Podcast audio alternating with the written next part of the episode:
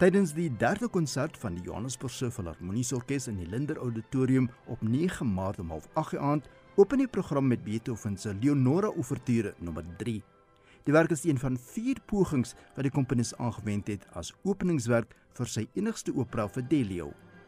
Baie glo dat die Leonora Ouverture nommer 3 is die mees dramatiese en dus geskik vir dit waarna Beethoven gestreef het.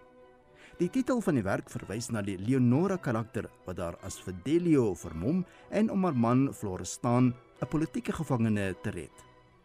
Na die inleidingswerk kan ons luister na Richard Strauss se horingkonsert nommer 1 in E-mol majeur.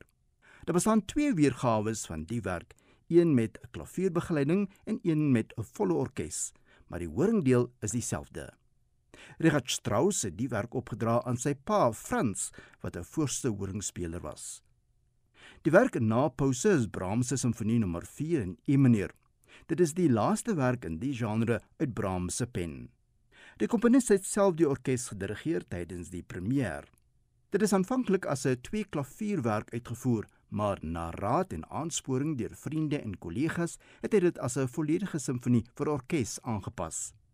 Talle daarna die werk geprys as seker die beste in sy soort na Beethoven se monumentale 9 simfonieë. Die solis tydens die Richard Strauss horingkonsert nommer 1 is Shannon Thebes, die hoofhoringspeler van die Kaapstadse Filharmoniese Orkees. En die Duitse dirigent Bernard Güller, 'n ou bekende in Suid-Afrika, sal die orkes lei.